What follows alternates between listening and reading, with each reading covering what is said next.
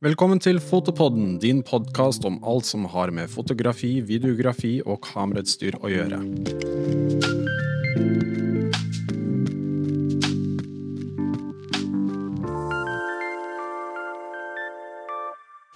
Nord Photography tilbyr workshops innenfor fotografering, bokdesign, bokbinding og marketing.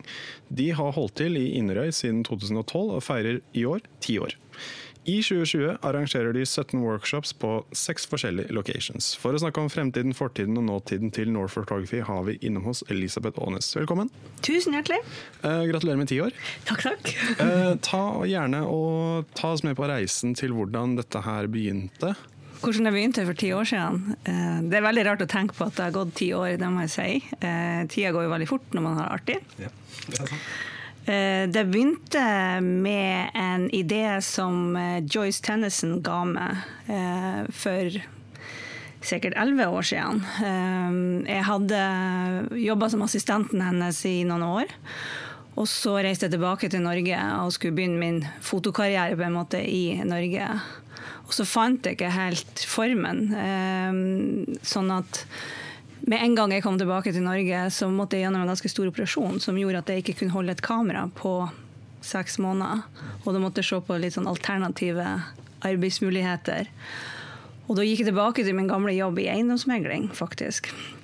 Og så gjorde jeg det i eh, noen få år, men eh, savna veldig, veldig foto. Eh, jeg holdt kontakt med Joyce, som jeg da hadde vært assistent for i et par år, mens jeg, når jeg var ferdig med fotostudio i USA. Fotostudio i USA. Og så um, um, når jeg, eh, For å holde kontakt med henne og det miljøet som hun på en måte åpna opp for meg, så holdt jeg en workshop med henne i året hos henne i USA. Så på den workshopen vi hadde med henne i 2008, når jeg var veldig frustrert og var litt sånn, jeg fant foto så følte jeg at jeg ga det opp igjen. For at eh, ja, eh, ting skjedde, og var, sånn ble liksom livet. Og jeg vil tilbake dit, og hvordan kan jeg komme dit? Og så sier hun det. Jeg syns du skal starte et firma i Norge som eh, fokuserer på å organisere kvalitetsworkshoper i fotografi. Jeg vil introdusere det til instruktører av mitt kaliber. Eh, og jeg tror at det her er noe du kan få til. Og jeg var jo med en gang Jeg tror du er sprø. Det er jo den, den dummeste ideen jeg har hørt. Som er ofte min reaksjon i starten hvis jeg er usikker på ting. eh, At, eh, og jeg tror jo det, det handla mye om at jeg, jeg, så ikke for meg at jeg kunne Jeg visste ingenting om å starte en egen virksomhet, og hvor skulle jeg begynne hen? og Det føltes så innmari stort. eh, Men hun har en tendens til å se ting som man ikke ser sjøl. Sånn er det jo ofte med folk som har levd ei stund, at de har en annen visjon et annet blikk enn det man har. Og så veldig tydelig at jeg hadde egenskaper som hun følte var riktig i en sånn type jobb. Og jeg er jo sånn at når jeg får tenkt litt på ting, så lander det litt. Hun, hun liker å så frø, og så gror det litt, og så føler du at det her kan jeg selvfølgelig gjøre. Det var jo en supergod idé. Så det endra seg jo da, og jeg starta Nord Photography i 2010 i Oslo. Eh, og da hadde jeg samtidig funnet Saga på Inderøy.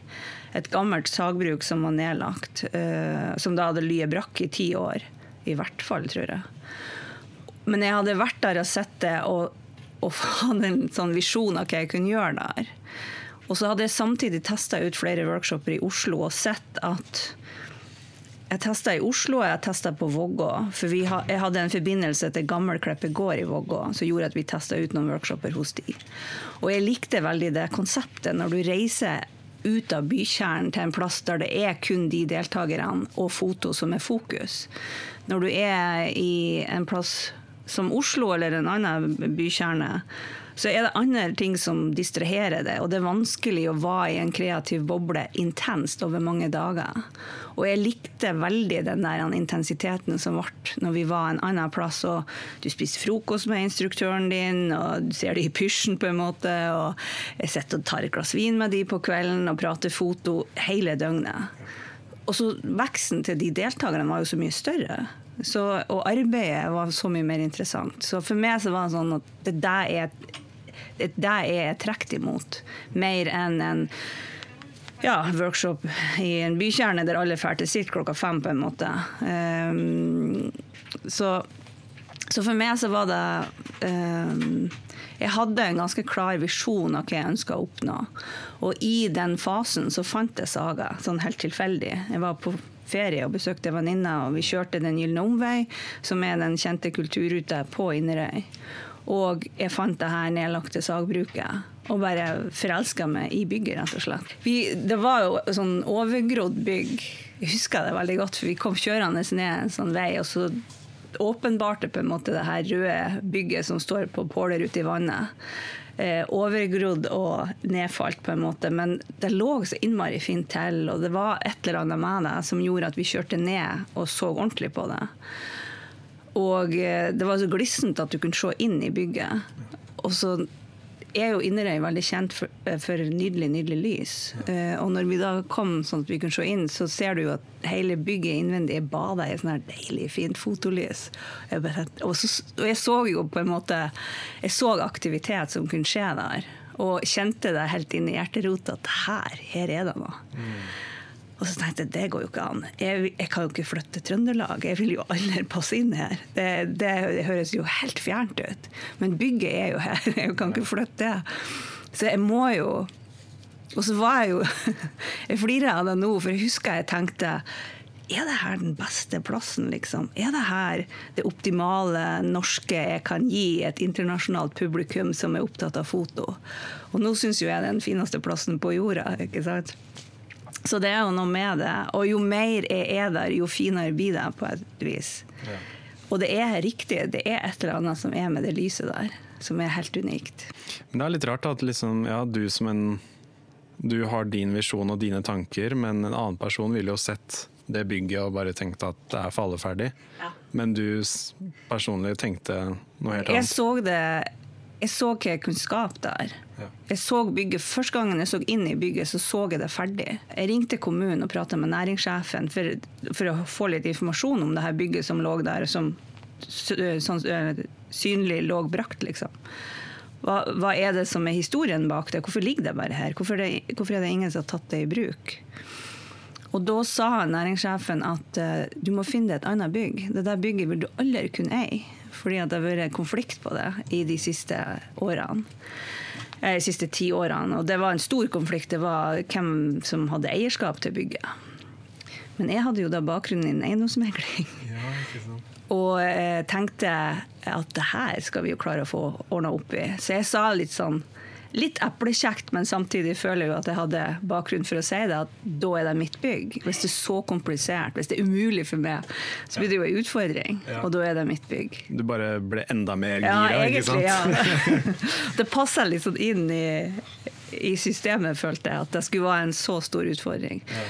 Og jeg tror vel kanskje at det er mange som har gitt opp da, med å få et så brutalt nei at du må finne deg et annet bygg. Eh, og han så ikke noen mulighet, men jeg var helt gira på at det her var det riktige bygget. Og så eh, gikk det jo tja, jeg tror jeg brukte en åtte-ni måneder på å liksom, eh, finne trådene og se hvordan jeg skulle gjøre ting, for at vi kunne komme med et forslag til løsning til de involverte partene, som alle faktisk godtok. Og så eh, fikk vi eh, ting litt skjøt, og jeg fikk kjøpt bygget av den som da var den rettmessige eieren. Mm. Så det var starten. Yeah.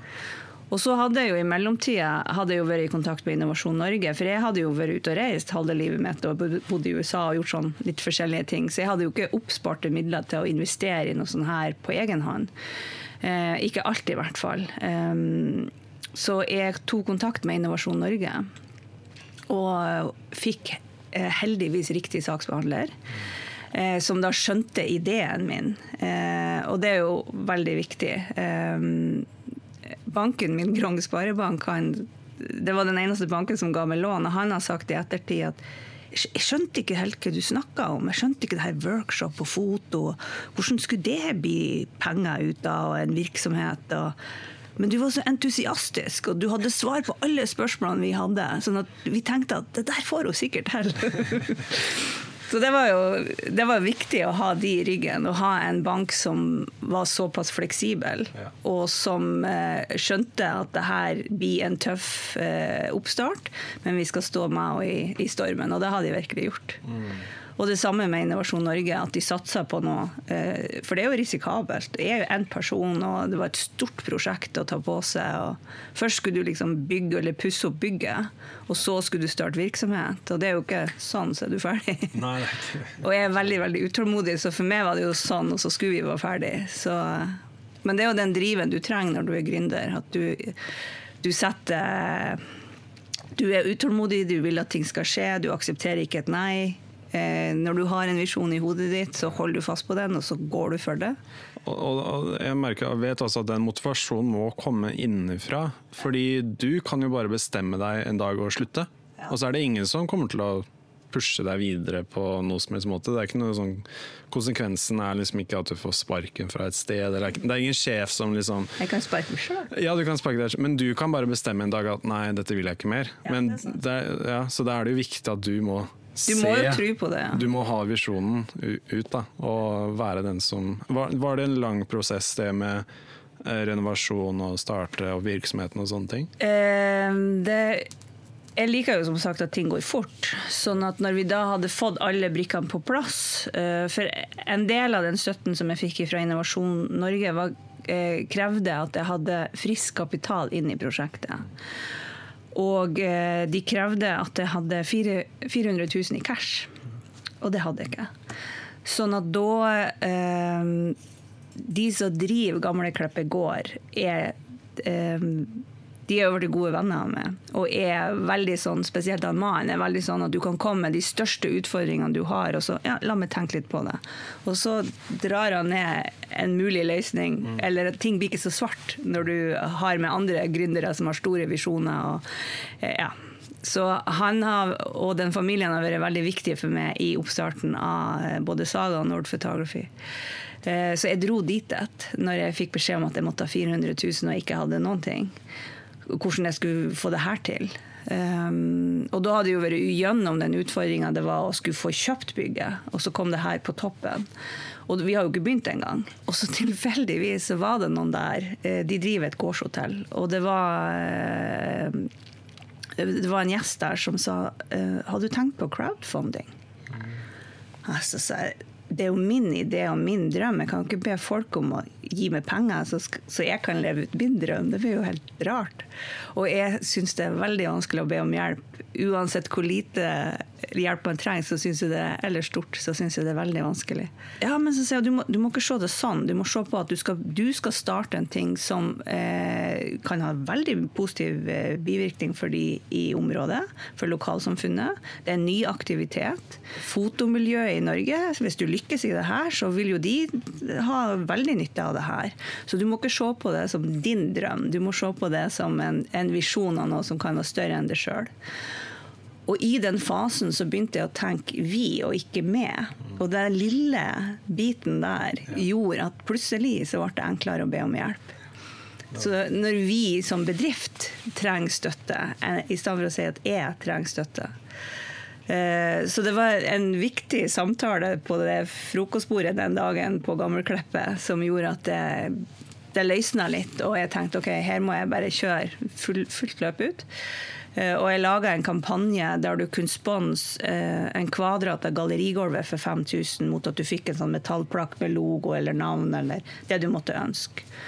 Og på det viset så fikk jeg inn eh, 230 000. Så det var jo veldig sånn wow.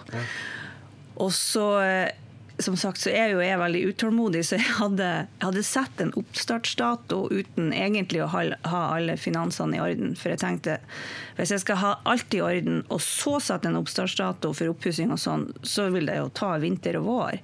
Jeg må bare sette en dato, og så må jeg jobbe meg opp imot den, og så må jeg være forberedt på å ta de konsekvensene som blir hvis at det her ikke lykkes. Og så har jeg hele tida hatt som en sånn mål eh, Kan det her ta livet av det? Nei, det kan det ikke. Ja, men da kjører vi på. Sånn at eh, jeg regna jo med at hvis jeg ikke hadde finansene i orden, så ble jeg ikke veldig populær i Trøndelagsregionen, men jeg tenkte at det klarer jeg å stå i. Eh, så la oss kjøre på, og så se om vi får det her til. Og så begynte vi å nærme oss Jeg tror det var 14 dager igjen til vi skulle ha oppstart, og jeg mangla jo fortsatt noen tusen. Så tenkte jeg eh, hva om jeg går på noen av de store leverandørene til Saga, sånn som så Byggmaker. Byggmaker Steinkjer. Jeg skal kjøpe alt av materialet der. Kanskje de er interessert i å sponse med meg noen kvadrat, så at det monner litt. At det ikke er én og én kvadrat, men at det blir litt mer i potten. Og jeg liker jo å være forberedt, så jeg hadde liksom sjekka at han som starta Byggmaker i sin tid, han kom fra Inderøy. Han starta med ei lita sag. Det ble en eh, stor suksess for han, som spredde seg over hele Norge. Og jeg tenkte det er en del likheter her som jeg kan spille på. Og så så jeg at de hadde uh, Jeg lurer på om de hadde en blogg, og så hadde de Facebook. Men det var ikke veldig mye aktivitet der uh, som var denne typen. Så jeg tenkte at hvis jeg foreslår at de kan dele alt i løpet av oppussingsprosessen vår, så har jo en markedseffekt for de òg. Og gikk inn på Byggmaker og gikk ut av det møtet med eh, å ha fått sponsa eh, stue og kjøkken på Saga. Yes. Og hele den gaven var jo verdt 400 000. Ja, så da plutselig så var jeg i mål. Ja. Plutselig fikk jeg god tid. 14 dager igjen. Så, eh, og jeg jeg husker jeg ringte han pappa, for han har vært, han har vært snekker og har vært en fin rådgiver for meg i dette prosjektet. Og jeg ringte han og, og sa at jeg har fått en katalog fra Nordpeis med beskjed om å være med en peis. Og jeg har fått en katalog fra Marbodal med beskjed om å være med et kjøkken. Jeg kommer aldri til å oppleve det her igjen. Jeg skal bare peke på en ting, og så får jeg det. Det er helt absurd. Yes. Og så sier han selvfølgelig 'må du ta det dyreste'? jeg bare ja, ja, det skjønner jeg. Så vi har jo et kjempefint eh, sånn oppholdsrom på Saga. Den stua og kjøkkenet vårt er jo virkelig eh, lekker. Ja. Om jeg skal si det sjøl. Så fint. Så, og det gjør jo òg Det er jo liksom kjernen i bygget. Det er jo der vi oppholder oss mest når vi har workshoper. Eh, svært kjøkkenbord der vi spiser frokost og lunsj sammen. Koselig sofagruppe. jeg har jo gjester som legger seg ned og sover middagshvile på sofaen min, så det er veldig sånn hjemmekoselig, og folk trives å være der. Og det er jo kjempeviktig når du skal drive med workshoper, og Absolutt. folk skal være kreative og. Ja, den kreative boblen her, det er det ja. viktig.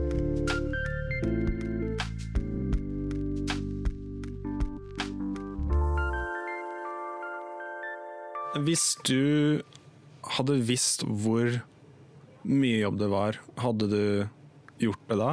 Fordi noen ganger så er det jo litt smart å være litt naiv, kanskje. Ja, veldig smart. være litt sånn der, eh, Litt optimistisk og ikke for realistisk, ja. på en måte. Jeg vil nok ikke ha gjort det her på nytt igjen, Nei. bruker å si. Jeg tror jeg hadde ei sag i meg. Ja. Sånn at uh, Men jeg er en av de viktigste egenskapene som jeg har, er jo at jeg er supersta. Det er ikke bestandig at det er en bra egenskap som på privaten, men på, for gründere så, for gründere så er den egenskapen veldig viktig. Um, så det kommer jo an på om at jeg setter for meg en ting. Uh, men det, det, har vært en veldig, veldig tøff oppgave. For i tillegg til å starte Nord Photography, som da ble starta i 2010, så jeg drev jo på med oppstarten av det firmaet samtidig som jeg pussa opp Saga. Så jeg pendla jo Oslo-Inderøy en gang i måneden i, i to årene fra 2010 eh, til 2012. Og vi åpna Saga 7.7.2012, så vi feirer jo åtteårsdag på Saga i år. Og ti år på Nord. Um, og det var jo uh, Så jeg var jo to år i Oslo før jeg liksom flytta firmaet opp til Inderøy. Og jeg trodde jo at det da For det gikk veldig bra. Oppstarten vår i Oslo var veldig fantastisk. Og jeg trodde jo da at vi skulle fortsette der vi var i Oslo når vi kom til Inderøy.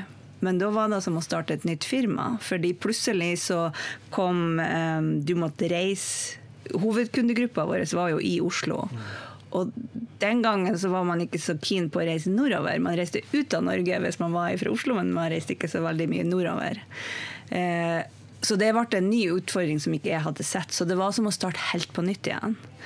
Eh, og det var jeg ikke forberedt på. Eh, så det, det, er klart at det er en del sånne utfordringer som kommer, og som hvis du har vet alle hindrene som du skal hoppe over, eh, så kan det hende at du har mista pusten før du har starta. Så det er jo veldig bra å være naiv Ja, men, ja, men det er det. Genuint. eh, Absolutt eh, virkelig det. Jeg kan se for meg at dere har hatt veldig mange deltakere gjennom tidene. Ja, vi har hatt uh, veldig mange eh, dyktige fotografer. Og instruktører, selvfølgelig. For jeg, når du driver for deg sjøl, så er du jo i den privilegerte um, rollen at du velger dine egne instruktører. Så jeg velger jo fotografer som jeg blir inspirert av som mine instruktører, og som jeg har lyst til å jobbe med, rett og slett. Og som jeg er jo veldig opptatt av at de kan undervise, at de har det her mentorgenet eh, etablert i seg. For det går ikke nødvendigvis hand i hand med det å være en dyktig fotograf og det å være god å undervise, er to helt forskjellige ting. Sånn at jeg er veldig opptatt av det. At det er liksom det viktigste for meg, at de kan eh, undervise, og at de har den her genuine interessen i å pushe andre talent opp og fram. Og det er helt avgjørende for oss at de, at de gjør det. Og når det er, eh, har dere hatt veldig mange deltakere som har gått fra si hobby til profesjonell? Liksom tatt en, brukt workshopen til det? det jeg har ikke oversikt over det sånn, men det jeg, har, det jeg ser, og nå har vi jo som sagt drevet i ti år, så ser du de her suksesshistoriene som begynner å komme. Der det er prosjekter som starta på en workshop for kanskje tre-fire år siden, som nå er lansert. Bl.a. Blant som hun, eh, Stine Lo Jensen, som hadde en Lys på mørket. Hun var jo med på den første workshopen vi hadde med Joyce i USA. Og da hadde hun et prosjekt, selvportrettprosjekt som hun drev og jobba med, og som hun hadde jobba med en stund. Der Joyce satte seg ned med henne og sa at jeg gir deg en frist, det skal være ferdig til da, da skal du ha utstilling. Og hun gjennomførte det. Og Joyce har da vært en veldig god mentor for henne, i tillegg til meg og andre som har deltatt på hennes workshoper. Så følger hun de. Og det er litt som det er med våre instruktører. De, de er genuint opptatt av foto. Og gode prosjekt følger de gjerne, og gir innspill til og pusher fram. og og sammen med det Lys på mørket-prosjektet som nå var lansert av Stine på Sjøholmen, det har jo hun jobba med i veldig mange år. Og eh, det har vært en stor utfordring for henne, for hun er jo òg eh, syk innimellom eh, med sin lidelse og sånn. Og vært med i mentorgruppa vår to eller tre ganger, tror jeg, med samme prosjektet. Og eh, det å se det lansert eh, Jeg hadde med meg en hilsning til henne fra Joyce. Eh, og se den suksessen som hun oppnådde med det prosjektet, som vi på en måte har vært litt på sidelinja og fulgt og pusha litt sånn innimellom, var utrolig fantastisk. Så det er jo Jeg prata med noen i går, jeg husker ikke hvem det var, Dere sa at det, det er 90 åh, steinhard jobbing. Men så har du de her 10% som er gull, der det skjer noe sånt, og du tenker det er verdt all den jobbinga er verdt at det var en suksess, det her. Så eh, det gleder meg skikkelig når jeg ser at det er gode prosjekt som lanseres. Og jeg blir jo veldig stolt selvfølgelig hvis de har vært innom systemet vårt. Og jeg vet liksom hvilke tilbakemeldinger de har fått, og den jobben som har vært. Um, Du har jo òg nå I går var jeg og så på utstillinga til Cecilie Risaasen på Fotografiens hus. Eh, Nydelig, nydelig utstilling. Anbefaler alle å dra dit. Den er så fint tenkt. At, eh, og jeg syns det er så artig når ting blir presentert på et ordentlig vis. Og jeg, har vært fan av arbeidet hennes i mange mange år. Og hun har òg vært gjennom mentorgruppa vår og eh, bokdesign. Og hun var med oss til Russland for noen år siden, for vi har en workshop der. Og du ser bildene som ble skapt i de forskjellige arenaene på en måte presentert på veggen. Det er ganske, ganske fantastisk.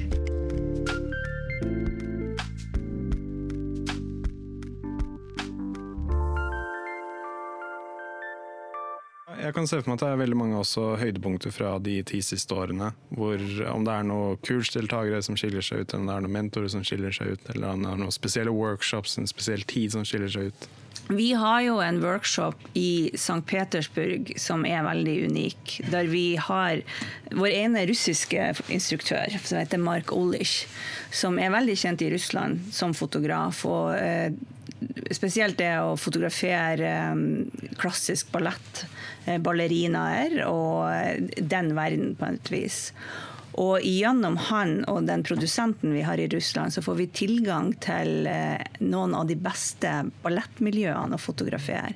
Så vi er med eh, den russiske eh, Statsballetten i St. Petersburg. Eh, I studioet deres når de trener og øver for en live eh, opptreden på Vinterpalasset. Og vi er med i Vinterpalasset. På scenen, under live forestilling. Og det er nok Hver gang vi har gjort det nå det blir vel femte gangen vi skal dit nå i mars. Ja. Og vi har fortsatt et par ledige plasser, som er helt sykt. Så hvis man er interessert, så er det jo bare å hive seg med. Og da, hver gang vi har hatt den, så står jeg bak scenen og må nesten klype meg i armen for at vi får være der. Vi får være i kulissene mens de opptrer og fotograferer. Det er jo selvfølgelig Vi har gått gjennom sikkerhetsklarering, helt på å si, og hvor vi kan stå an og ikke stå an, og hva vi må passe på, og alt det der.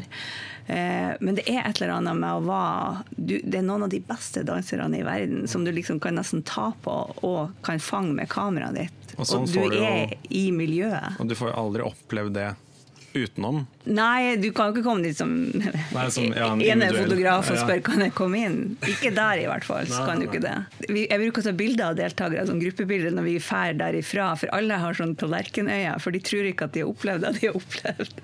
Så det syns jeg er veldig artig. Så den er veldig unik. Og så um, Vi hadde vår første workshop i Lofoten i fjor med han Trym Ivar Bergsmo, en av våre norske instruktører.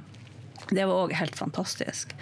Og da var det og Trym som sammen holdt en workshop der han hadde ansvaret for eh, landskapsfotografering av den biten, mens jeg hadde fokus på det å sette sammen serier og tenke portefolie og utstillinger og bøker og sånn av arbeidsmannskapet. Mm. Og det var utrolig artig. Eh, for du så at deltakerne fikk noen ting som de ikke hadde fått før. og eh, ja, de så arbeidene sine på et annet vis enn det de har gjort før, når de begynte å se og legge ting sammen og ta ting som hørte sammen i en serie. Og ikke bare tenke ett og ett bilde, men å tenke noe større enn det. For det gir så mange nye muligheter. Så det var, jeg husker det var en deltaker som sa at jeg visste ikke at jeg kunne ta de her bildene. Ja, så det var jo det syns jeg òg var en ganske bra høydere. Men det er jo alle workshopene er det jo et eller annet sånt som skjer. Der du føler at om det er en fotograf som du bare ser fant denne lille biten som de trengte for å få komme til neste trinn. Ja. Eller de hadde en instruktør som pusha de, som de var irritert på i starten av uka, og som de ikke vil forlate når det, workshopen var ferdig, fordi at de syns de har fått så mye ut av det. Så det, det lyset som slås på, på en måte under en workshop, er jo fantastisk. Det tror jeg på. Og hva, hva slags folk er det som vanligvis eh, møter opp på slike workshops? Det er litt forskjellig. Eh, vi, jo, vi ønsker jo alle velkommen på en workshop. Det eneste vi krever, er at du kan kameraet ditt. At du er fornøyd måte med de bildene du tar, og du kan kameraet ditt. For vi har ikke tekniske workshoper. Eh, vi er veldig fokusert på utvikling av det kreative, det talentet ditt. Så så lenge du føler at du har et talent, og så lenge du er åpen for å utvikle det, så er du velkommen på vår workshop.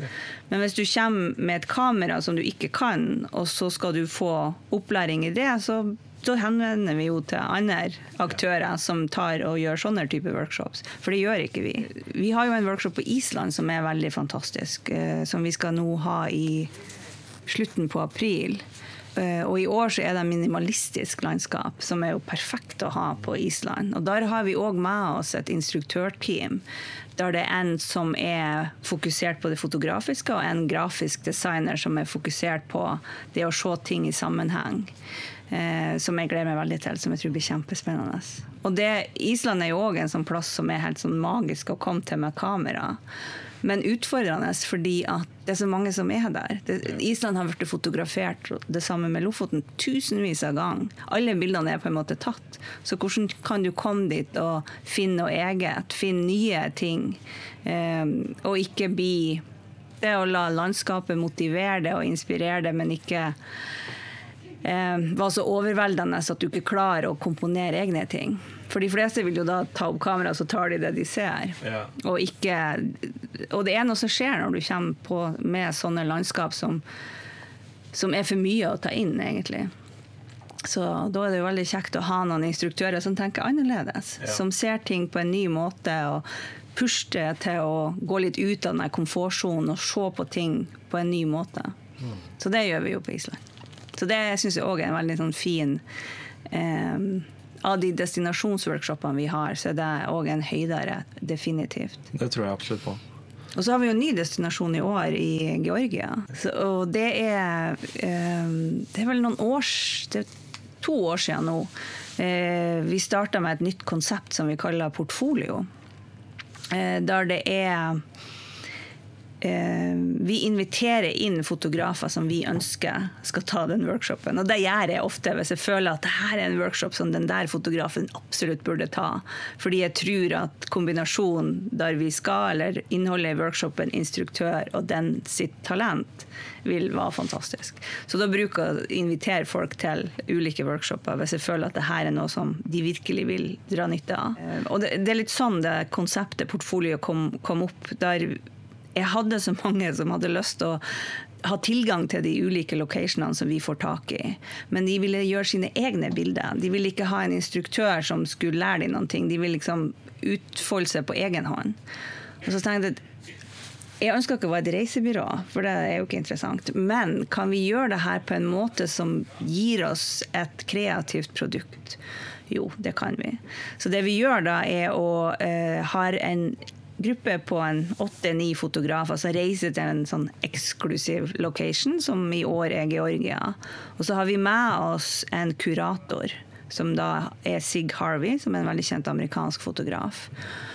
Og så fotograferer hun sammen med deltakerne, så alle jobber med sine egne ting. Og Nord Photography er med med en produser og fasiliterer alt som de trenger. Locationer, modeller, makeup og hår og transport og alt det her. Og så er din oppgave som deltaker å ta de beste bildene du kan ta den plassen den uka, og bli inspirert av de omgivelsene, men òg dine meddeltakere. Og eh, gjør ditt beste arbeid, rett og slett. Og så etter workshopen eller etter reisen så vil du få en privat eh, Skype-setting eh, eller session med Sig Harvey, som går igjennom de beste bildene du har tatt. Tror jeg tror hun sier at du må sende rundt 300 bilder. Og så går hun gjennom alt sammen med det, og så velger hun ut de beste, som da sendes inn til portfolio. Og så er det jeg og Sig som da sammen velger ut de fem til syv bildene som blir presentert i, i det her. Ja, stilig. Og så er det Nord Photography som produserer boka. Ja. Og så selges den i et begrensa opplag på 150 eksemplar der de ti første eksemplarene blir gitt til de som har vært involvert i workshopen. Så det har vi gjort nå to år på rad, så Georgia er liksom det tredje året. Så da ser vi for oss at det må være røde, for nå har vi grønn fra Island, som er litt sånn eh, eh primordial green, tror jeg det heter. Og det her er russisk blå. Og så må vi jo ha rød, ja, rød fra Georgia, for det er jo vin, vinens De er jo kjent for vinen sin. Så da så vi for oss at det kanskje kunne være en fin fargekombinasjon.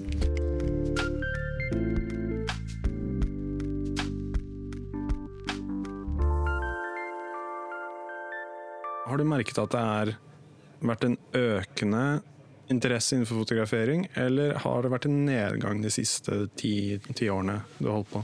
Jeg har merka at det har vært en økende interesse. Ja. Det har jeg. Um, nå er det jo veldig mange som tilbyr workshops. Når jeg starta, så var det vel gjerne bare Morten, uh, Morten Krogvold.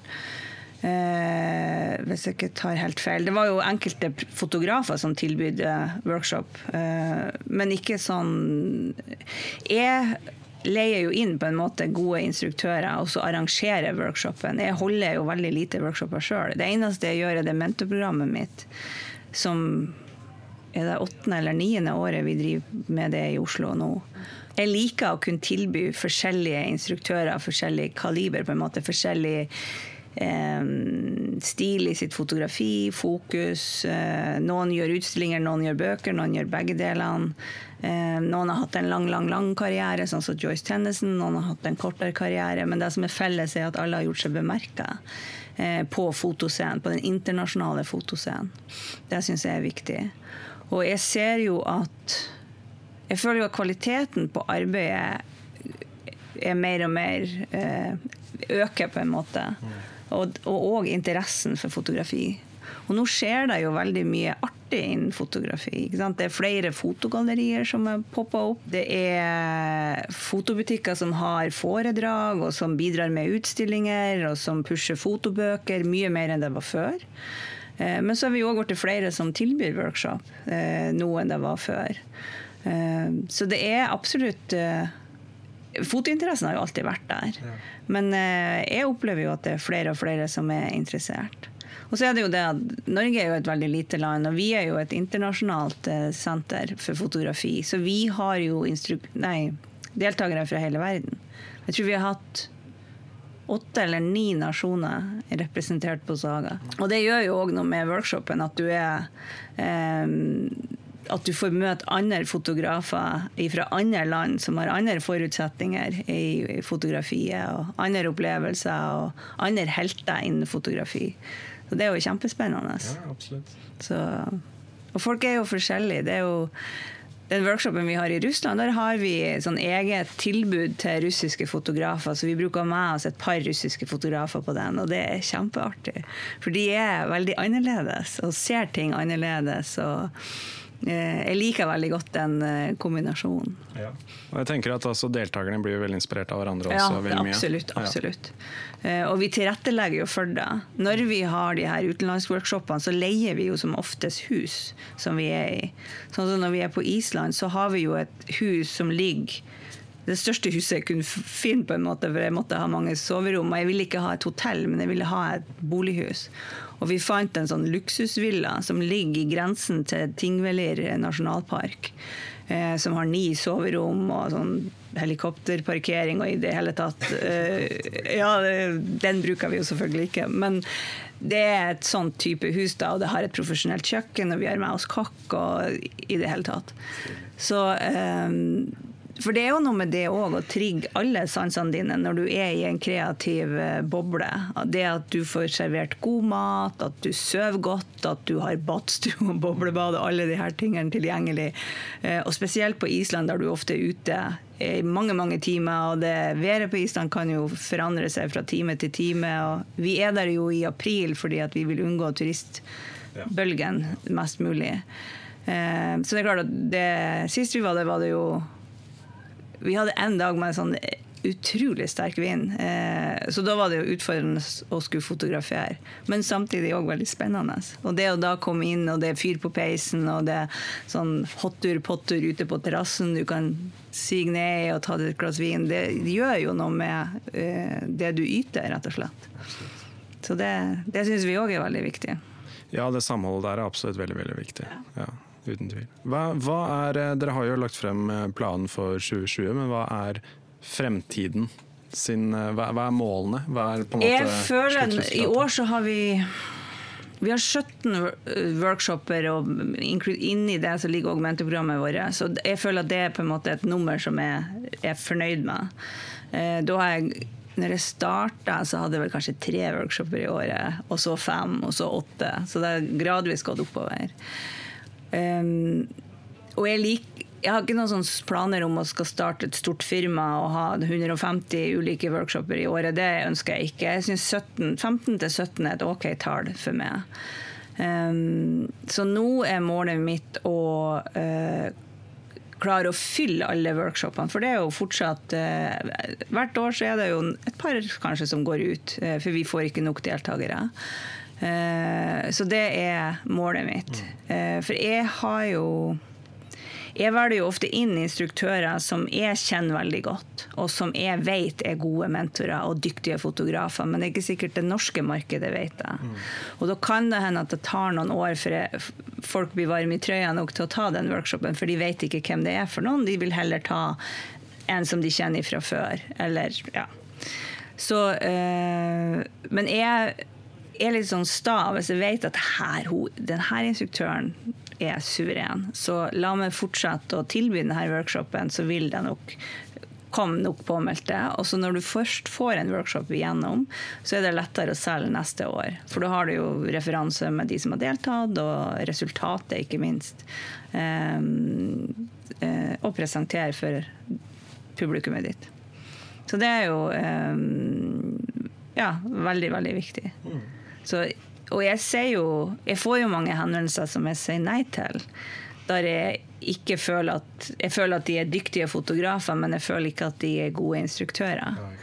De er litt sånn for, for opptatt av eget fotografi. For det er jo noe med at du legger deg litt til sides, og så ser du de deltakerne, og så er det det som er fokuset ditt.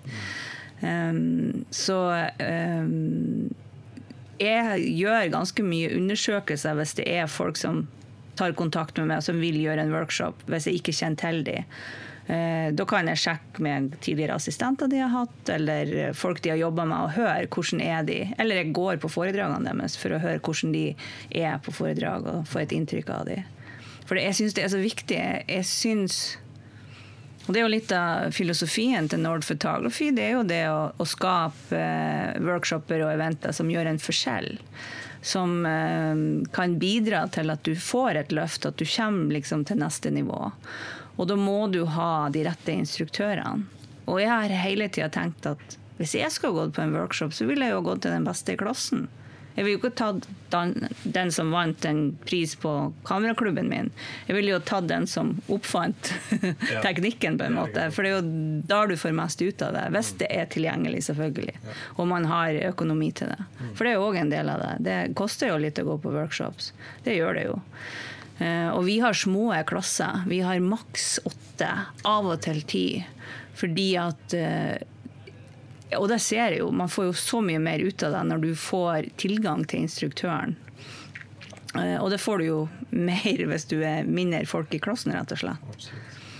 Så, så det er veldig òg en del av filosofien min, at det ikke skal være jeg har ikke noen stor visjon om at jeg skal bli veldig rik av det her, men jeg har en stor visjon om at jeg skal bidra til at det er masse fotografi, masse godt fotografi som kommer ut i, i miljøet vårt. Uh, Elisabeth, tusen takk for praten. Takk skal du ha. Og så skriv gjerne, kom gjerne med forslag hvis det er noen vi skal ha med på podkasten, noen temaer eller gjester. Og så ses vi neste uke i en ny episode.